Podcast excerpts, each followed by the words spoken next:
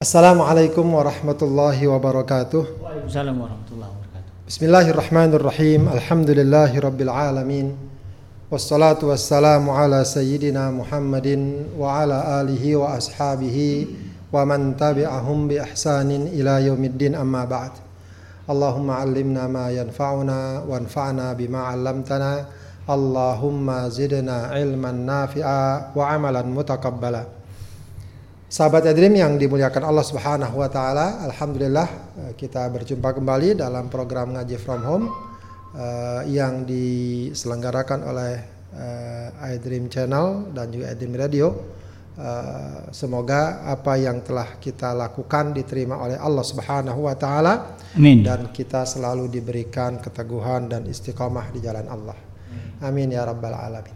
Alhamdulillah uh, untuk kajian uh, kitab Al-Arba'in An-Nawawiyah kita sudah memasuki hadis yang terakhir ya dari uh, selama ini pembahasan hadis-hadis dari sejak ya, sebelum Ramadan ya kalau tidak salah hingga Ramadan dan kita lanjutkan setelah Ramadan ya. Uh, hadis ini adalah hadis yang ke-42 yang berbicara tentang uh, besarnya dan agungnya kemurahan Allah dan ampunan Allah Subhanahu wa taala. Bismillahirrahmanirrahim. An Anasin radhiyallahu anhu qala sami'tu Rasulullah sallallahu alaihi wasallam yaqul Qala Allah ta'ala ya bna Adam innaka ma da'awtani wa rajautani ghafartu laka ala ma kana minka wala ubali Ya bna Adam law balagat dunubuka ananas sama' thumma astaghfartani ghafartu laka. Ya ibna adam innaka law ataitani bi kurabil ardi khataya thumma laqitani la tusyrik bi syai'a la ataituka bi kurabiha maghfiratan rawahu tirmidzi wa qala haditsun hasanun sahih.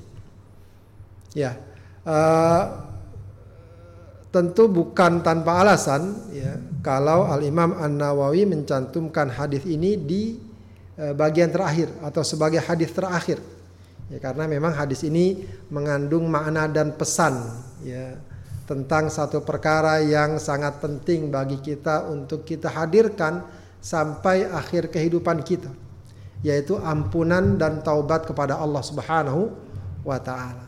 Ya seakan-akan ini memberikan makna penutup ya dalam uh, kitab ini yaitu bagaimana kita mendapatkan ampunan Allah Subhanahu wa taala. Ya karena bahkan dalam um, banyak uh, ibadah ya uh, fadilah-fadilah dan keutamaan-keutamaan yang Allah sebutkan yang Rasulullah nyatakan dari beragam dan berbagai ibadah itu ya di antara keutamaan yang sering disebutkan adalah ampunan ampunan Allah ya ini uh, tentu memberikan makna dan pesan bagi kita seorang beriman ya mendapatkan ampunan Allah itu merupakan perkara yang sangat agung, perkara yang sangat besar.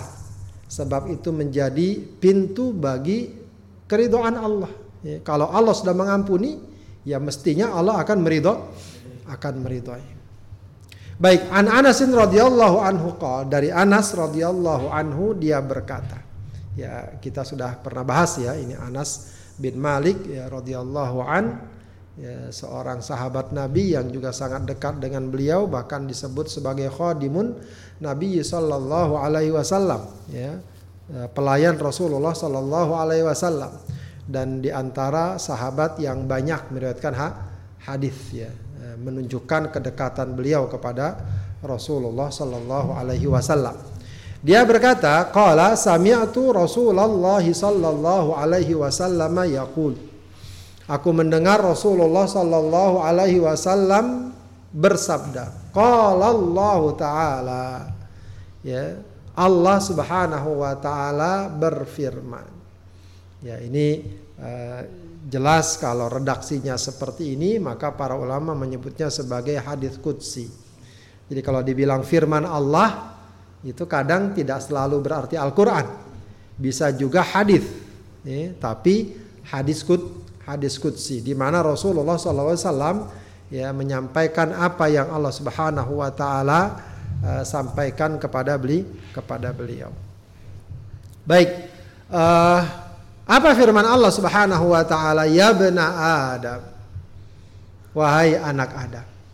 Ya. Uh, panggilan Yabna Adam di sini juga memberikan pesan ya, dan kesan kasih sayang. Ya. Tidak wahai manusia, tapi wahai anak Adam. Ya. ya apa namanya ada kesan uh, cinta dan kasih sayang Allah Subhanahu wa taala kepada umat manusia. Ya, khususnya kepada orang beriman. Ya, dan ini memang uh, meskipun dikatakan Ibnu Adam, tapi uh, khitab dari hadis ini spesifik adalah kepada orang beriman. Karena nanti di bagian akhir disebutkan ya, di antara syaratnya adalah tidak menyekutukan atau berbuat syirik kepada Allah kepada Allah. Ya. Apa firman Allah? Innaka ma da'autani wa rajautani. Ya. Sungguhnya engkau ma da'autani wa rajautani. Ya, ma di sini bukan ma nafi, ya. Bukan juga ma istifham, ya. tapi disebut oleh para ulama sebagai apa namanya? Uh, ma syartiyah, ya.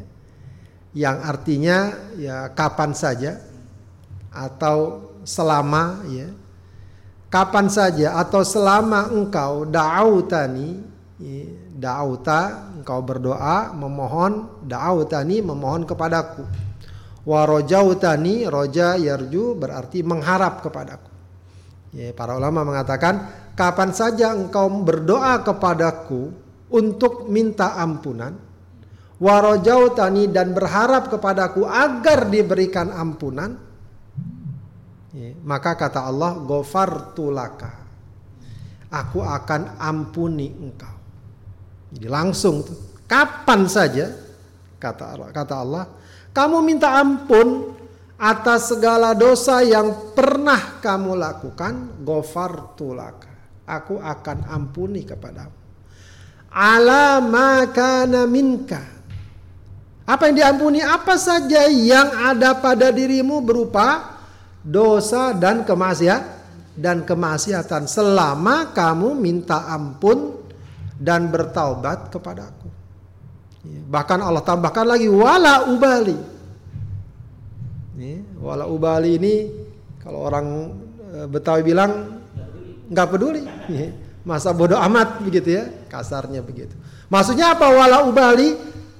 Aku tak peduli walaupun dosanya sangat banyak, walaupun dosanya sangat besar, dosa sebesar dan sebanyak apa pun, kalau kamu berdoa minta ampunan, berharap agar aku berikan ampunan, ghafartulaka. Aku akan ampuni engkau. Ya. Jadi nggak ada istilah oh ini dosa terlalu besar nih makanya nggak bisa diampuni nggak. Oh, ini udah kebangetan banget nggak bisa diampuni, tidak. Tidak ada istilah dosa yang tidak dapat diampuni. Kalau seseorang mau bertaubat dan dipenuhi syarat-syarat taubatnya. Itu memang yang harusnya diperkuat ya. Tidak ada. Kemudian Allah katakan lagi ya bena Adam wahai anak Adam lau balagot buka ananas sama lau balago balago artinya mencapai ya. balago ya belum anak anak dikatakan balik ketika sudah mencapai usia di mana dia sudah terkena kewajiban-kewajiban syariat. Lau balagot buka seandainya dunub dunub jamak dari zambun. Ya, zambun artinya dosa. Dunub artinya dosa-dosamu Ananas sama. Anan para ulama mengatakan mananya sahab, awan. Dosanya menjulang sampai ke awan. Bahkan ada yang mengatakan ananas sama sampai sejauh mata memandang ke langit. Kita kalau lihat ke atas itu kan, itu yang kita lihat langit bukan? Bukan sebenarnya. Cuma itu yang memang masih bisa kita lihat, kita lihat gitu ya. Nah, sejauh mata memandang kita ke langit, dosa kita sampai situ sebesarnya, tingginya, besarnya. Ya. Ya. Kata Allah Subhanahu wa taala, seandainya dosa-dosamu menjulang tinggi sampai ke awan atau sampai sejauh matamu memandang ke langit, tsummastaghfartani. Ya. Kemudian engkau minta ampun kepadaku, ghafartulaka. Aku akan ampuni engkau. Ya, ya benar Adam, ya, innaka sungguhnya engkau lau ataitani bi kurabil ardi khotoya seandainya engkau datang kepadaku bi kurabil ardi. Dengan ya sebesar ya atau dengan nyaris sebesar bumi ini. Dosanya dosanya ya hampir menyamai bumi ini besar. Saking banyak banyaknya saking besarnya. Seandainya kamu datang kepadaku ya datang di sini maksudnya apa datang bertaubat, menyesali segala perbuatan yang telah dilakukan, mengakui segala kesalahan, mohon ampunan kepada Allah, pada Allah. Begitu ya. Thumma lakitani la tusyrik bi syai'a. Kemudian kau menjumpaiku ya, la tusyrik bi syai'a. Ya, kamu tidak menyekutukan aku sedikit la ataituka bi qurabiha maghfiratan. Maka aku akan mendatangimu. Bi qurabiha dengan semis sebesar itu pula. Ya maksudnya sebesar atau nyaris sebesar bumi itu pula. Maghfiratan. Berupa ampunan. Seorang hamba datang dengan dosa sebesar bumi. Allah balas dengan ampunan sebesar bumi kalau hamba tersebut mau bertau bertaubat, ya, mau minta ampun kepada Allah. Tapi memang dalam bagian ini secara khusus Rasulullah berikan salah satu syaratnya la tusyrik bi syai'a. Engkau tidak menyekutukan aku sedikit sedikit pun menyekutukan Allah dengan hal yang lah dan hal yang lain. Atau dengan kata lain engkau datang minta ampunan seraya membawa keimanan dan tauhid kepada Allah kepada Allah. Ya. Tirmidzi, hadis ini riwayat Tirmidzi wa qala haditsun hasanun sahihun. Hadis ini hadis hasan dan sahih. Ya. Ibnu Daqiq Al-Aid ketika mensyarah dan menjelaskan hadis ini dalam kitabnya ya, Syarah Arba'in An-Nawawiyah dia mengatakan hadzal haditsu bisyaratun azimah ya, ini hadis merupakan kabar gembira yang sangat agung. Ya, jadi berita besar yang sangat menggembirakan adalah hadis ini. Karena memberikan apa? Memberikan pengharapan atau disebut dengan roja bagi orang beriman. Ya, agar mereka tidak pernah ragu jika ingin bertaubat dan kembali kepada Allah kembali kepada Allah. Wa hilmun wa karamun azimun. Ya betapa sabarnya Allah. Ya, melihat hambanya ada yang mengingkarinya ada yang memusuhinya ada yang melanggar ketentuan-ketentuannya. Ya, bayangkan kalau sekarang kita lihat seorang penguasa ada orang yang mencaci makinya. Kira-kira apa yang terjadi? Ya, ya kalau nggak eh, kalau nggak kemudian dilakukan hal-hal yang membuat orang tersebut menjadi celah, menjadi celaka. Ini kepada Allah betapa banyak manusia hamba-hamba Allah yang yang mencacinya, yang mengkufurinya, yang melecehkannya. Padahal kalau Allah mau, ya mungkin kalau bahasa kita tinggal disentil doang selesai. Ya. Kalau Allah mau, ya, apa yang Allah ingin lakukan akan dia lakukan. Tapi Allah ya, di antara sifatnya apa? Al-Halim. Allah itu sangat sabar ya. Uh, apa namanya? melihat atau menyaksikan perbuatan hamba-hambanya. Salah satunya hikmahnya adalah apa? Memberi kesempatan bagi setiap hamba untuk bertaubat, mohon ampun kepada Allah mengakui kesalahan-kesalahannya. Ya betapa banyak kita dapatkan orang-orang yang dahulu hidupnya bergelimang dengan maksiat, bahkan bergelimang bergelimang dengan kekufuran dan kemusyrikan dengan berbagai macam cara, berbagai macam sebab mereka mendapatkan hidayah, mereka mohon ampun kepada Allah, mereka bertobat kepada Allah.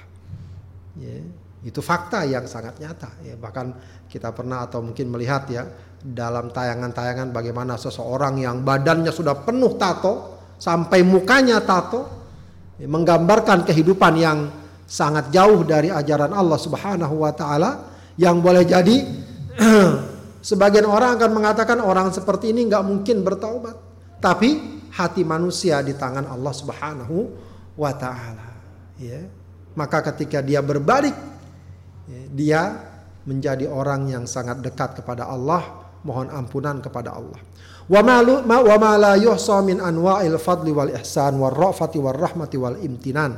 Ya, uh, juga uh, di dalamnya terdapat kebaikan karunia Allah yang tidak terhitung, ya, tidak terhinggu, tidak ter tidak terhingga. Ya, mengandung kasih sayang, mengandung nikmat. Jadi hadis ini adalah hadis yang kalau kita baca selayaknya kita bersyukur. Ya, betapa Allah Subhanahu wa taala sangat-sangat memberikan kita peluang dan kesempatan untuk segera kembali kepada Allah.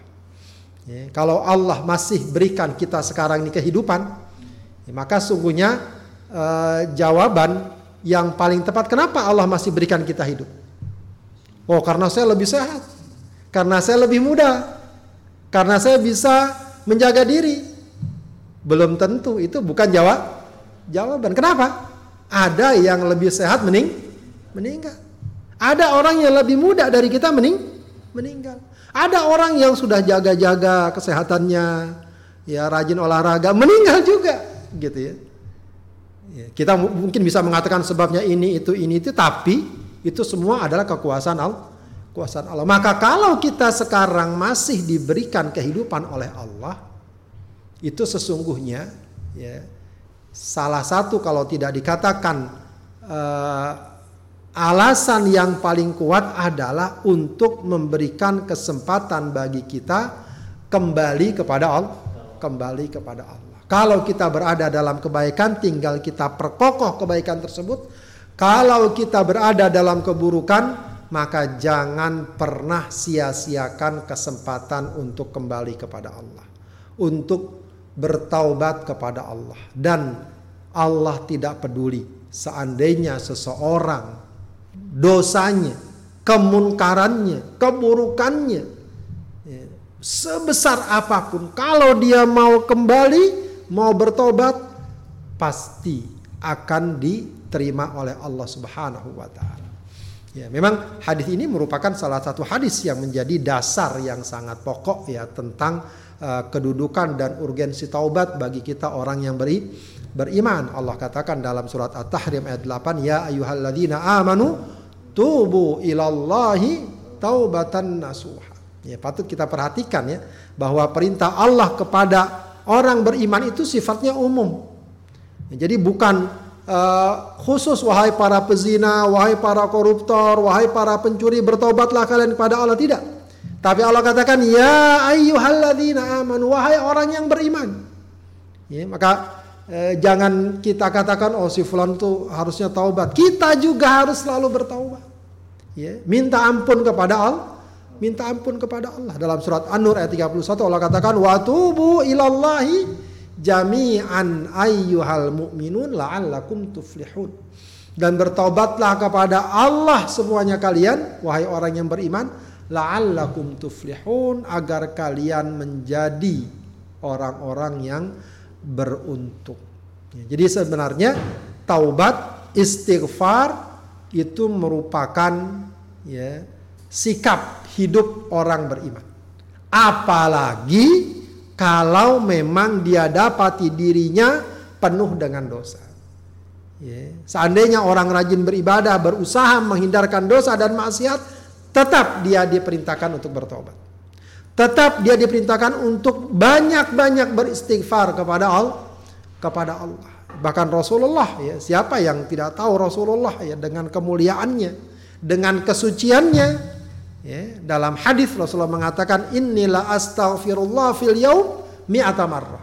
Aku beristighfar dalam satu hari seratus kali. Dalam riwayat yang lain, inilah astaghfirullah fil yaum sab'ina marrah. Aku beristighfar kepada Allah 70 kali.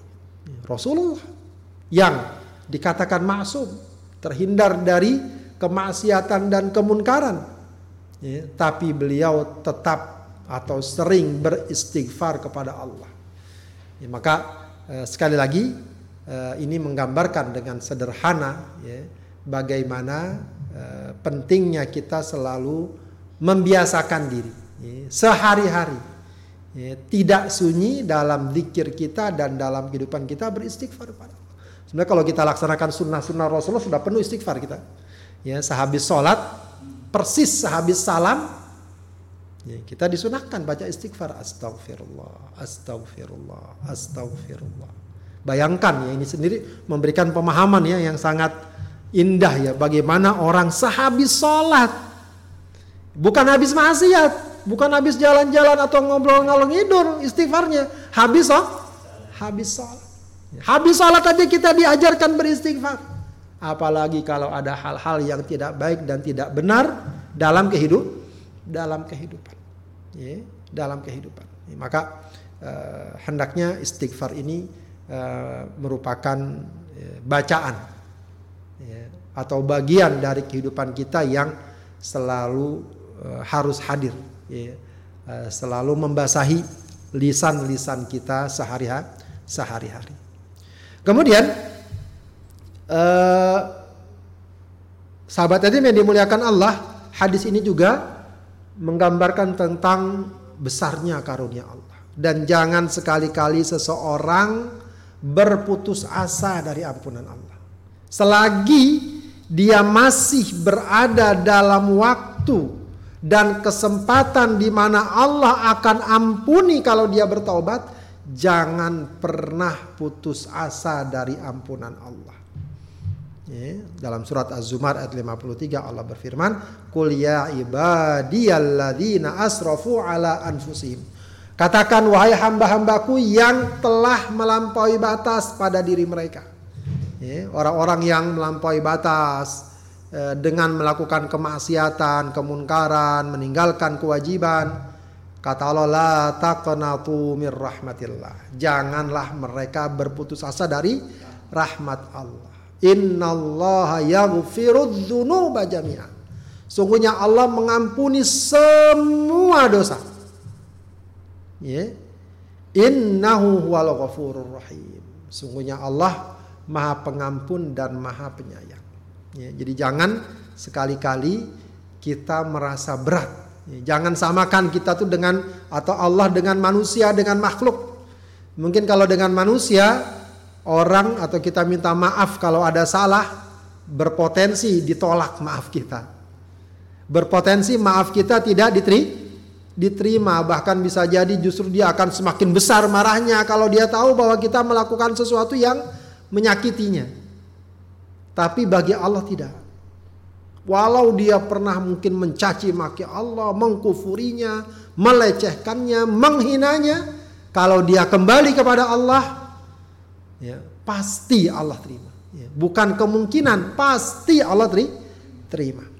Bukan hanya Allah terima sebenarnya, Ya, bahwa ini lebih lagi Allah mencintainya. Ya, Allah mencintainya. Ayatnya jelas, innallaha yuhibbut tawabina wa yuhibbul mutatahhirin. Ya, kalau manusia mungkin masih ada yang nerima maaf kita. Ada orang kadang-kadang nerima maaf tapi masih keselnya ada. Ya, jadi artinya sampai cinta mah nggak mungkin lah kayaknya. Kalau nerima, iyalah saya terima, saya saya terima maaf. Saya maafin. Tapi kesel kayaknya susah juga orang. Ya, masih lah manusiawi ya. Ada orang pernah berbuat salah, lalu dia minta maaf. Ya tentu kita maafin. Tapi di hati kita tuh masih ada ganjelan. Ya, itu manusiawi ada. Kalau Allah kebalikannya, Allah bukan hanya menerima taubat kita, bahkan Allah mencintai orang-orang yang bertaubat bertaubat. Jadi dari orang yang paling membenci Allah menjadi orang yang paling dicintai Allah. Ya. Bahkan gambarannya mungkin sudah pernah sampaikan ya dalam beberapa uh, penjelasan sebelumnya akan tapi penting ini terus diingatkan. Ya, gambaran bagaimana cintanya Allah kepada orang yang bertobat. Gimana Pak Taufik? Masih ingat nggak? Bukan. Ya. Uh, gambarannya adalah seperti orang yang sedang menempuh perjalanan di tengah padang pasir. Dia naik onta. Di ontanya itu semua perbekalan yang dia miliki, dia miliki. Maka di tengah perjalanan padang padang pasir nih ya, bukan hutan di kampung kita tidak, ya. Atau bukan naik gunung. Kalau kita kan naik gunung di atas masih ada tukang mie, ya, tukang bakso. Ini padang pasir, nggak ada siapa siapa.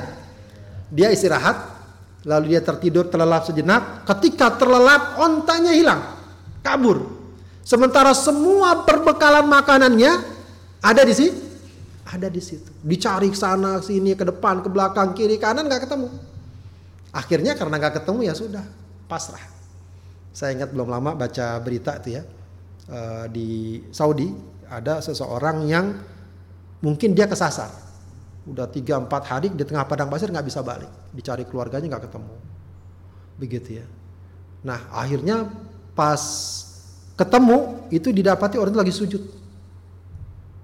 Artinya dia mungkin sudah tidak udah merasa nggak pasrah ya, karena udah kiri kanan mencari karena memang padang pasir oh, kalau nggak nggak jangan dibaik samakan ya dengan orang tersesat di gunung atau di hutan masih ada kemungkinan kemungkinan ini padang pasir nggak beda begitu ya. Dia makanya dapat dia ketika meninggal dalam keadaan sujud. Ya. Artinya dia mungkin sudah pasrah. Nah, walau alam orang tadi yang digambarkan udah begitu. Sudah dia kembali ke tempat semula, dia tidur sambil menunggu ajal. Ketika dia bangun, onta itu ada di depannya. Paling tadi cari-cari nggak ada, entah ke mana itu onta. Maka langsung dia naik onta, tentu saja gembira kan? Dia naik onta itu lalu dia mengucapkan apa? Allahumma anta abdi wa ana rabbuk. Ya Allah engkau hambaku, aku Tuhanmu. Kenapa dia sampai ngomong itu? Saking gembiranya kebalik ngomongnya. Ya. Seharusnya dia ngomongnya apa? Ya Allah engkau Tuhanku, aku hambamu. Saking gembira dia kebalik. Nah kata Rasulullah, Allah lebih gembira daripada kegembiraan orang tersebut apabila ada hambanya bertaubat. Jadi sekali lagi jangan pernah putus asa dengan ampunan Allah. Ya. Karena yang di antara di antara perkara yang paling diinginkan setan dari hambanya itu adalah juga kalau hambanya putus asa. Ya, itu paling senang setan tuh kalau ada hambanya putus asa. Di antara gambarannya apa? Kalau ada orang pernah bertobat, lalu tergelincir lagi bertaubat tergelincir lagi. Kadang-kadang ada omongan-omongan ah percuma dah udah nggak usah taubat deh. Udah taubat ngomong-ngomong taubat sekarang gitu lagi. Akibatnya apa? Orang itu merasa oh ya percuma lah udah nggak usah taubat dah. Nah di sini setan sangat senang, sangat sen. Padahal kalau dia mau bertobat lagi, memperbarui tobatnya dan memenuhi segala syarat taubatnya, pasti diterima oleh Allah. Walau dia sudah berkali kan berkali. Yang penting ketika taubat dia tuluskan. Dia ikhlaskan. Ya, perkara pernah tergelincir ya manusiawi juga namanya manusia. Namanya manusia. Dalam hadis riwayat Muslim ya, juga apa namanya? E, diriwayatkan bagaimana ada seorang hamba berdosa lalu dia mengatakan Allahumma gfirli dzambi. Ya Allah ampuni dosaku. Maka kata Allah, e, hambaku e, berdosa lalu dia tahu bahwa ada Tuhan yang mengampuni dosanya. Ya, maka kemudian uh, apa namanya? Uh, dia minta bertobat. Tapi kemudian dia melakukan dosa itu lagi. Lalu dia minta ampun lagi kata Allah, wah berarti hambaku ini tahu bahwa Allah masih memberikan pengam. Dia punya Tuhan yang memberi, yang suka memberikan ampun. Maka dia bertobat, Allah terima tobatnya. Dia ulangi lagi.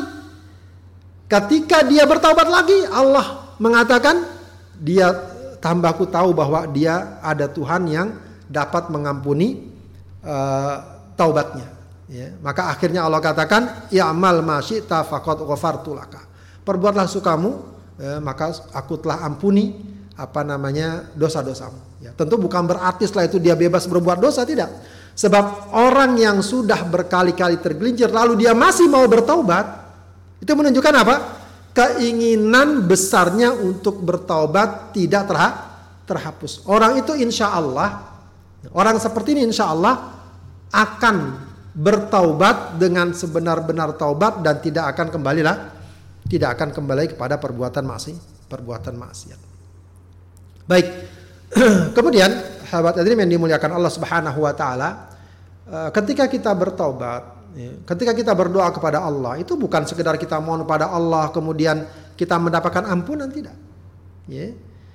Yang pertama, doa itu adalah wujud keimanan kita kepada Allah.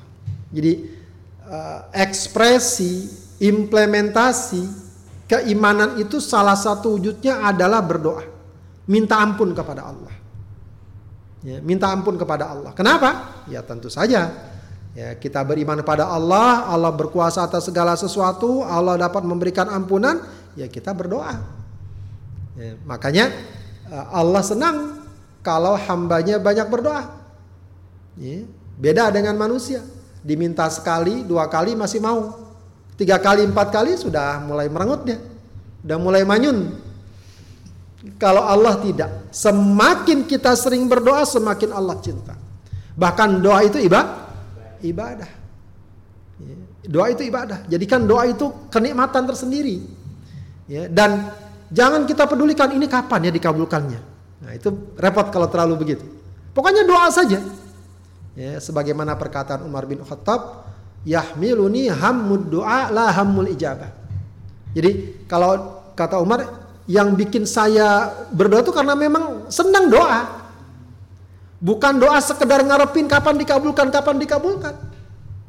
Ya. Akibatnya orang kalau berpikiran kapan dikabulkan, kapan dikabulkan, kemudian dia merasa tidak dikabulkan, ya udah nggak jadi berdoa. Berdoa, dia berhenti berdoa, dia putus asa berdoa. Ya. Maka berdoa ini adalah ekspresi wujud keimanan kita kepada Allah Subhanahu wa taala. Anda beriman pada Allah, maka mestinya Anda banyak berdoa. Anda sering minta ampun kepada Allah. Anda uh, bertaubat kepada Allah Subhanahu wa taala. Hakikat doa dan ampunan juga adalah pengakuan atas kelemahan diri dan keagungan Allah. Jadi kita akui bahwa kita lemah, bahwa kita bukanlah siapa-siapa, ya uh, walaupun mungkin jabatan tinggi, gelar tinggi, kedudukan tinggi, tapi di hadapan Allah sesungguhnya kita kita lemah, kita tak berdaya.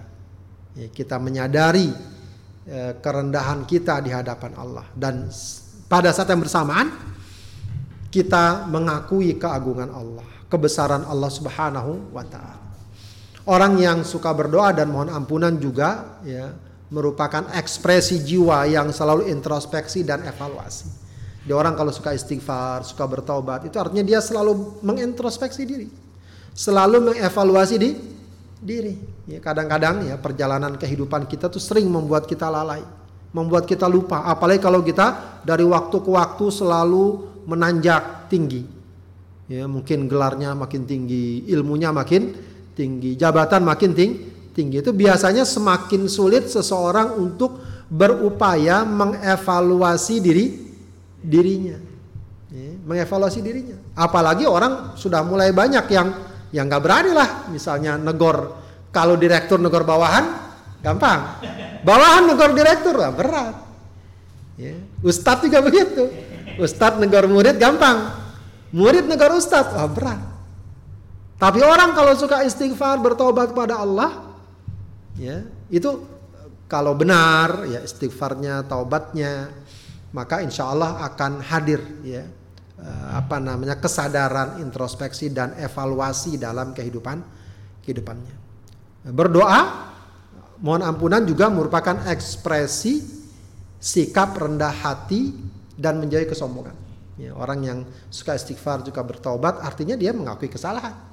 Mengakui kesalahan artinya dia ya sebenarnya mengakui ya, kelemahannya ya. Artinya juga dia ya insya Allah lebih terhindar dari kesombong dari kesombongan. Jadi uh, sahabat tadi yang dimuliakan Allah sesungguhnya uh, hadis ini mengingatkan kita bukan sekedar tentang besarnya keampunan Allah tapi bagaimana besarnya keampunan Allah itu kita apa istilahnya kita respon dengan positif dengan selalu banyak berdoa dan mohon am mohon ampun sebab walaupun ampunan Allah besar kita nggak pernah minta ampun.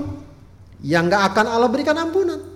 Allah hanya berikan ampunan pada orang yang minta am minta ampun. Hadis ini juga menjelaskan tentang keutamaan tauhid. Ya, tadi digambar dikatakan oleh Allah lau ataitani bi qurabil ardi khataya thumma laqitani la tusyrik bi thumma ataitani la tusyrik bi syai'an ya uh, la ataituka bi qurabiha magfiratan Ya, jadi kalau kamu mendatangiku dengan sebesar bumi dosa ya, atau se, semirip se itu, ya, maka dan kamu datangi aku dalam keadaan tidak membawa e, kesyirikan, maka aku akan bawakan ampunan sebesar itu pula kepadamu. Ya, maka ini jelas menunjukkan betapa pentingnya kita menjaga tauhid kita menjaga keimanan keimanan kita. Ya, dan keimanan tentu saja syarat dasar diterimanya amal kita. Sebagaimana dia merupakan syarat mutlak diampuninya dosa-dosa kita. Maka maaf saja ya orang yang tidak beriman tidak bisa dimintakan ampu, ampunan. Semoga si fulan diampuni oleh Allah. Padahal dia tidak beriman. Ya, itu tidak bisa. Kenapa? Karena memang syarat diterimanya ampunan itu kalau dia beri, kalau dia beriman. Ya, kalau dia beriman. Baik, kita uh, tambah lagi dengan sedikit penjelasan tentang syarat diterimanya taubat. Ya, ya, syarat diterimanya taubat. Ya, jadi ketika tadi kita berbicara tentang taubat mohon ampunan itu tentu dengan makna sudah include pemahaman di dalamnya bahwa ampunan dan taubat tersebut sudah memenuhi syarat-syarat agar diterima. Yang pertama adalah beriman, syarat umumnya beriman. Kalau nggak beriman ya nggak diterima. Ya, kalau nggak beriman ya nggak diterima. Ya, jangankan dosa besar, dosa kecil pun juga tidak diterima. Ya, maka harus beriman dulu kalau pengen apa namanya eh, dosa-dosanya di, diampuni oleh Allah Subhanahu wa taala. Kalau sudah beriman sudah selesai, gampang banget. Ya. Nggak pakai nebus. Ya, dalam ajaran Islam nggak ada istilah menebus dosa dengan bayar sekian, bayar sekian, bayar tidak. Anda langsung minta kepada Allah ampunan, Allah terima. Bahkan nggak perlu pakai perantara. Ya, nggak perlu pakai perantara. Oh, datang dulu ke ustadz sana kalau ente mau taubat. Tidak, Anda langsung bertaubat bertaubat kepada Allah. Minta ampun kepada Allah, sudah selesai. Ya, perkara datang ke ustadz ya penting juga. Mungkin bisa didoakan atau juga uh, dia belajar butuh bimbing, butuh bimbingan. Tapi untuk bertaubat minta ampun kepada Allah, cukup dia beriman kepada Allah, kepada Allah. Ya, cukup dia beriman kepada Allah Subhanahu wa taala, maka taubatnya mohon ampunnya diterima oleh Allah Subhanahu wa taala. Kemudian kesempatannya belum tertutup. Ya, jadi uh, kesempatan ini ada dua. Ada yang berlaku secara umum, masal, semua manusia. Ada yang masing-masing individu. Yang berlaku untuk semua manusia kapan? Ketika matahari, ya, uh, kesempatan ya, sebelum matahari terbit dari tempat terbenamnya. Ya, jadi kalau kalau sekarang kan matahari masih terbit di tempat terbitnya, ya, dari timur. Ya, sebelum matahari terbit dari tempat terbenam dari barat, maka tobat masih diterima. Ya. Artinya kasarnya sebelum datang kia, kiamat. Ya. Kemudian ada lagi waktu pembatas yang sifatnya masing-masing individu. Kapan? Ketika ruh belum sampai kerongkongan. Ya, pokoknya ketika orang bahkan ketika sakit lemah sekalipun, ruhnya belum sampai kerongkongan, dia bertobat, diterima. Tapi kalau udah sampai kerongkongan kayak gini, lalu dia taubat, tidak diterima, tidak diterima. Ya, di antara yang dikaji oleh para ulama, kenapa bisa demikian? Kenapa harus uh, kalau sudah matahari terbit dari tempat terbenamnya, kalau ruh sudah sampai kerongkongan, taubat nggak diterima? Karena wallahu alam, orang kalau sudah melihat matahari terbit di tempat terbenamnya, kira-kira dia yakin nggak dengan kebesaran Allah, dengan janji-janji Allah? Yakin sudah lihat langsung. Apa yang selama ini disampaikan ustadz-ustadz yang mungkin dia anggap itu mah nggak mungkin lah dongeng segala macam. Ternyata dia lihat oh benar ya. Nah itu udah nggak percaya, udah percuma taubat. Ya, udah lihat. Ya, justru di sinilah saatnya kita diu, diuji, khususnya diuji dengan perkara-perkara gaib, diuji dengan ayat-ayat Allah, dengan hadis-hadis Rasulullah. Begitu pula roh ketika sampai di kerongkongan, ya, para ulama menyatakan menjelaskan bahwa orang ya ketika dalam sakratul maut itu akan diperlihatkan tempatnya di surga dan di neraka. Ya, sehingga dia uh, udah yakin, udah betul, udah yakin dan melihat dengan uh, mata kepala sendiri. Ya, maka ketika itu kalau dia bertobat dia tidak diterima oleh Allah Subhanahu Selebihnya diterima. Apa pun termasuk dosanya. Termasuk apa pun dosa dosanya. Mau naudzubillah ya. Tentu bukan berarti kita kemudian bebas melakukan segala sesuatu, tidak. Kalau sudah terlanjur ya, pasti diterima. Ada juga syarat-syarat khusus ya, bertaubat ya yang mungkin sering disampaikan hal ini ya. Pertama adalah menyesali perbuatan ya. Taubat itu kata para ulama adalah an-nadab. Intinya taubat itu menyesal menyesali perbuatan. Jangan malah dia bangga-bangga. Ya, apalagi sampai ngomong ke sana kemari. Ya, tidak disesali perbuatan yang pernah dia laku dia lakukan. Kemudian apa lagi? Menghentikan maksiat itu seketika. Seketika. Ya, kapan kita berhenti nanti aja kalau udah pensiun? Nanti aja kalau udah tua. Nah, itu nggak seketika. Saka, sekarang kita bertau bertaubat. Ya. Kemudian bertekad tidak akan mengulanginya. Kita janji kita nggak mau mengulanginya. Ya, jangan kemudian ntar lah kalau ada waktu kita lakukan lagi tidak. Itu bukan taubat. Ya, sekarang kita istighfar dulu. Ntar kalau ada kesempatan kita lakukan tidak. Ya, taubat nggak bisa begitu. Taubat kita sesali, kita hentikan dan kita berjanji tidak akan mengulanginya. Kalau ternyata naudzubillah atau apa bagaimana seorang tergelincir lagi, taubat lagi. Begitu. Ya. Jangan kemudian oh saya udah berjanji lalu tergelincir, masih diterimakah taubat saya? Diterima taubat Anda. Patokannya sampai kapan? Sampai tadi. Sampai matahari terbit dari tempat terben terbenam. Selagi masih itu ada kesempatan atau sampai e, nyawa sampai kerongkongan baru itu tidak diterima taubat kita. Baik, ada lagi tambahan kalau tadi semua apabila berkaitan dengan hak Allah kalau terkait dengan hak orang lain, hak manusia, maka minta maaf. Atau mengembalikan hak, mengembalikan hak. Jika ada yang diam, diambil. Maka memang berat kalau kita ada kesalahan dengan sesama manusia, manusia. Kita minta maaf. Ya. Atau kita apa namanya mengembalikan ya. jika ada sesuatu yang kita ambil atau hak dia tidak kita berikan dan lain sebagainya maka hendaknya kita beri kita berikan. Baik, sahabat Adrim yang dimuliakan Allah Subhanahu wa taala, eh, inilah ya pembahasan hadis ke-42, hadis terakhir dalam kitab Al-Arba'in An-Nawawiyah. Ya, semoga apa yang kita bahas hadis-hadis dari awal hingga akhir memberikan kita pemahaman yang lebih baik terhadap ajaran Allah dan Rasulnya dan tentu saja yang lebih penting dari itu adalah membekali kehidupan kita agar selalu lebih dekat dan istiqomah di jalan Allah. Itu dapat sampaikan. Mohon maaf. Assalamualaikum warahmatullahi wabarakatuh. Waalaikumsalam warahmatullahi wabarakatuh. Eh, jazakumullah khair Ustadz atas segala uraian uh, terkait dengan tema uh, pembahasan kita pada hari ini yaitu hadis ke-42 uh, dengan tema luasnya ampunan dari Allah taala di mana secara gamblang di dalam hadis tadi disebutkan bahwa sebesar apa pun dosa dan kemaksiatan kemaksiatan yang kita buat selagi kita bertobat kepada Allah insya Allah diampuni. Yang penting eh, jangan berputus asa di rahmat Allah Subhanahu Wa Taala. Baik sahabat hadirin sekalian dirahmati Allah Subhanahu Wa Taala terima kasih yang sudah bergabung dengan kita dari tadi dari awal eh, sesi hingga akhir eh, sehingga detik ini dan terima kasih yang sudah menekan tombol like ya dan juga subscribe. Mudah-mudahan jadi uh, kebaikan bagi Anda.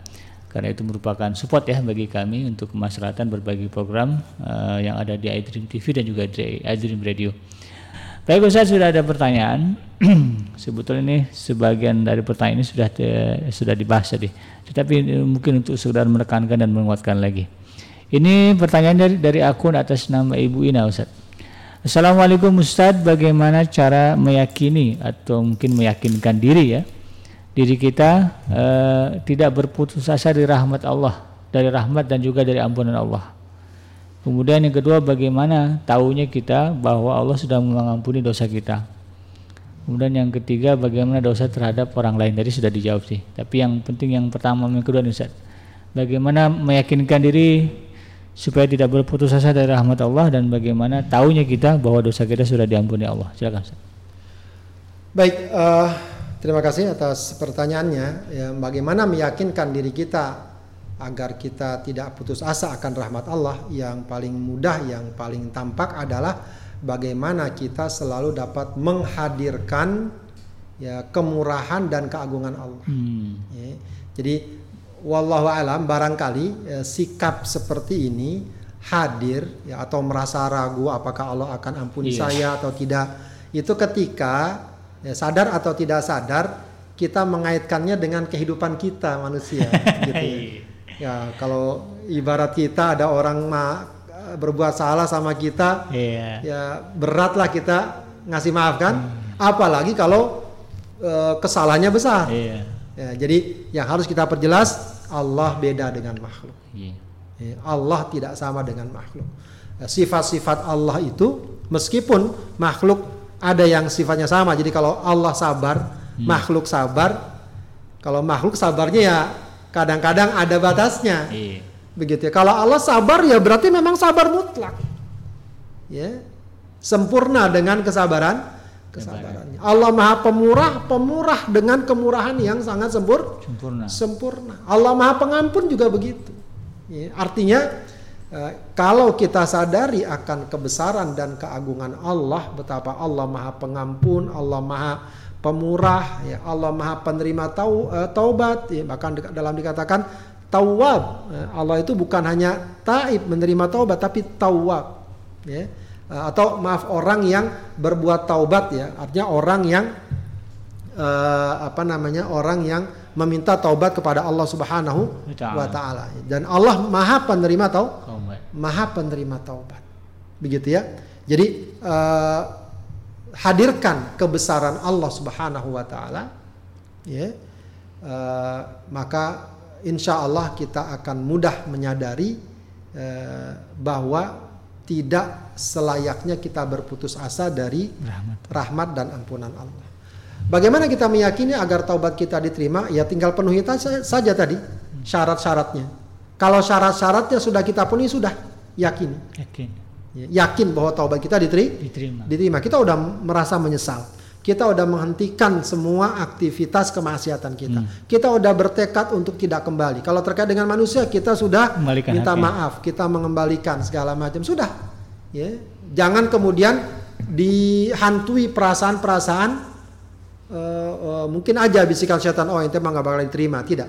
Bisikan-bisikan tersebut kita singkirkan, kita selalu uh, menghadirkan keyakinan kita akan kemurahan dan kekuasaan Allah Subhanahu wa taala. Bahkan kalaupun misalnya kita minta maaf kepada seorang, dia tidak bisa tidak mau memberi maaf, itu bukan urusan kita lagi. Hmm. Yang jelas kita sudah sudah memenuhi perintah Allah, Allah untuk minta maaf atau kita harus mengembalikan. Orang itu bilang enggak, saya enggak akan terima dunia akhirat. Hmm. Itu urusan dia kepada Allah. Yang penting kita sudah minta, ma minta maaf. Minta maaf. Maka uh, insya Allah Allah akan memberikan ampunan pada okay, Wallahu a'lam. Ya kadang-kadang manusia gitu zat forget but eh forgive but not forget. Hmm, dia maafin tapi dia nggak akan lupa. Iya iya. Ya, kita samain dengan Allah. Wah ini jadi masalah. Terima kasih Ustaz dan mudah-mudahan bisa dipahami oleh penanya kita Ibu Ina.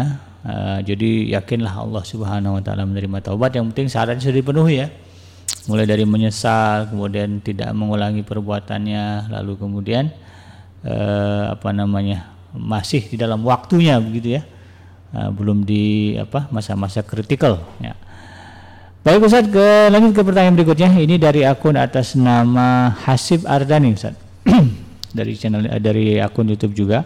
Assalamualaikum warahmatullahi wabarakatuh Ustaz. Bagaimana kalau sudah berniat untuk bertobat tetapi selalu ada saja gangguan dan hambatan dari lingkungan sekitar? Nah, gimana Ustaz? Ya, uh, sekali lagi taubat sebenarnya sebagaimana kita katakan ya, hmm. taubat kita itu uh, semestinya tidak dikaitkan ke orang lain. Oke. Okay. Dalam arti kita kalau bertobat pada Allah, misalnya orang-orang nggak bisa mencegah seorang untuk kita mau tobat sama oh nggak boleh ente tobat nggak bisa nggak ada orang yang bisa mencegah toh tobat dan kita bertobat nggak perlu harus lewat oh lewat orang ya nah, saya nggak izinkan anda bertobat itu nggak ada nggak mungkin atau orang-orang misalnya membisik-bisik percuma ente tobat nggak bakal diterima. Itu biarkan dia dengan ocehan ocehannya. ocehannya. Yang jelas kita sudah ingin bertobat dan urusan kita kepada Allah, ya Allah. kepada Allah. Kecuali kalau memang ada perkara-perkara yang kaitannya dengan manusia. Manusia. manusia. Kalau semua sudah kita kembalikan kita minta maaf segala macam sudah selesai Walaupun sebagaimana saya katakan tadi mungkin aja ada orang yang mengatakan saya nggak akan maafkan anda segala macam segala macam. Ya, sepanjang kita sudah berusaha memenuhi kriteria dan syarat-syarat taubat tadi sudah selesai. Ya, sudah selesai. Nah memang ya, uh, tetap kita tidak pungkiri ya bahwa sikap masyarakat, sikap manusia yang mungkin saja masih memandang miring atas perbuatan kita dan lain sebagainya uh, itu memang bisa jadi akan berat bagi orang yang ingin bertaubat. Tapi itulah ujiannya. Ya, dia harus bersabar, dia harus kuat ya, bahwa ini memang ujian bagi orang yang bertaubat. Bertobat. Dia mungkin bisa cari solusi kalau memang di situ dia sangat tidak kondusif, bisa cari ke tempat yang lain. Pindah. Ya, pindah. Misalnya kalau sangat tidak kondu, tidak kondusif. Tidak kondusif. Bahkan di antara uh, mengambil pelajaran hadis orang yang membunuh oh, 100 hijrah, ya. orang ya? itu kan diperintahkan untuk hijrah hijrah kalau memang di daerah tersebut tidak kondu kondusif. Tidak kondusif. Ya, tidak mengapa dia hijrah, dia cari tempat yang baru dengan lembaran kehidupan yang baru itu bagus. Tapi kalau dia masih bisa bertahan dan dia sabar menghadapi itu semua eh, godaan, cobaan, ya maka eh, tidak mengapa. Ya, tidak masalah terkait dengan sikap-sikap orang lain. Insya Allah dengan kesabaran dan sikap baik kita lambat laun orang-orang pun akan berubah insya Allah hmm. pandangannya. Demikian uh, Akhi Hasib ya Hasib Hardani mudah-mudahan bisa dipahami. Uh, jadi uh, kalau berbicara orang lain ini ya kita prinsipnya itulah orang itu nggak akan bertanggung jawab dengan kita juga gitu kan. Buat apa kita uh, acuhkan itu ya lebih baik biarkan saja. Fokus dengan diri kita dalam urusan tobat tentunya. Baik sahabat Adil sekalian dirahmati Allah Subhanahu wa taala. uh, jam di studio sudah menunjukkan pukul 17 lewat 12 menit. Dan sebelum kita tutup, uh, kita dengarkan dulu closing statement dari guru kita Al Ustaz Abdullah Haidar LC terkait dengan tema kita pada hari ini yaitu uh, luasnya ampunan dari Allah taala. Silakan Ustaz. Baik, uh, sahabat Adim yang dimuliakan Allah Subhanahu wa taala uh, mengakhiri ya kajian uh, kitab Al-Arba'in An-Nawawiyah ini uh, tentu saya sebagai pribadi yang diamanahkan untuk ya menyampaikan kajian ini ya mohon maaf kalau ada kekeliruan kalau ada kekurangan dan koreksi-koreksi dan nasihat-nasihat jika memang ada ya, bisa disampaikan. Ya dan apa namanya tentu saja dari semua yang kita lakukan ini ya, yang kita harapkan tak lain adalah ridho Allah Subhanahu wa taala. Lalu pemahaman kita terhadap ajaran Allah semakin baik ya semakin bertambah. Dan tentu saja juga kita harapkan kita semakin dekat dan semakin taat di dalam ajaran Allah Subhanahu wa taala. Dan yang paling juga tidak kalah pentingnya adalah bagaimana hal ini menumbuhkan kecintaan kita kepada Rasulullah Sallallahu Alaihi Wasallam sehingga kita insya Allah mudah-mudahan dapat minum di telaga Rasulullah Sallallahu Alaihi ya Wasallam dan dapat berkumpul berjumpa dengan beliau di surga Allah. Hmm. Amin ya rabbal alamin. Itu saja barangkali yang dapat saya sampaikan. Mohon maaf atas segala kekurangan. Wassalamualaikum warahmatullahi wabarakatuh. Waalaikumsalam warahmatullahi wabarakatuh. Baik sahabat Aidil sekalian dirahmati Allah Subhanahu wa taala, tuntas sudah kebersamaan kita dalam program Ngaji from Home edisi kajian kitab hadis Al-Arabin An-Nawawiyah di hadis yang ke-42 ke dengan tema hadis luasnya bulan dari Allah taala. Baik, uh, saya Abi Kenji pamit undur dari ruang dengar Anda dan mohon maaf atas segala kehilafan dan kekurangan. Uh, saya tutup dengan uh, bacaan doa kafaratul majlis. Subhanaka allahumma rabbana wa bihamdika asyhadu an la ilaha illa anta astaghfiruka wa atubu ilaik. Walhamdulillahirabbil alamin. Wassalamualaikum warahmatullahi wabarakatuh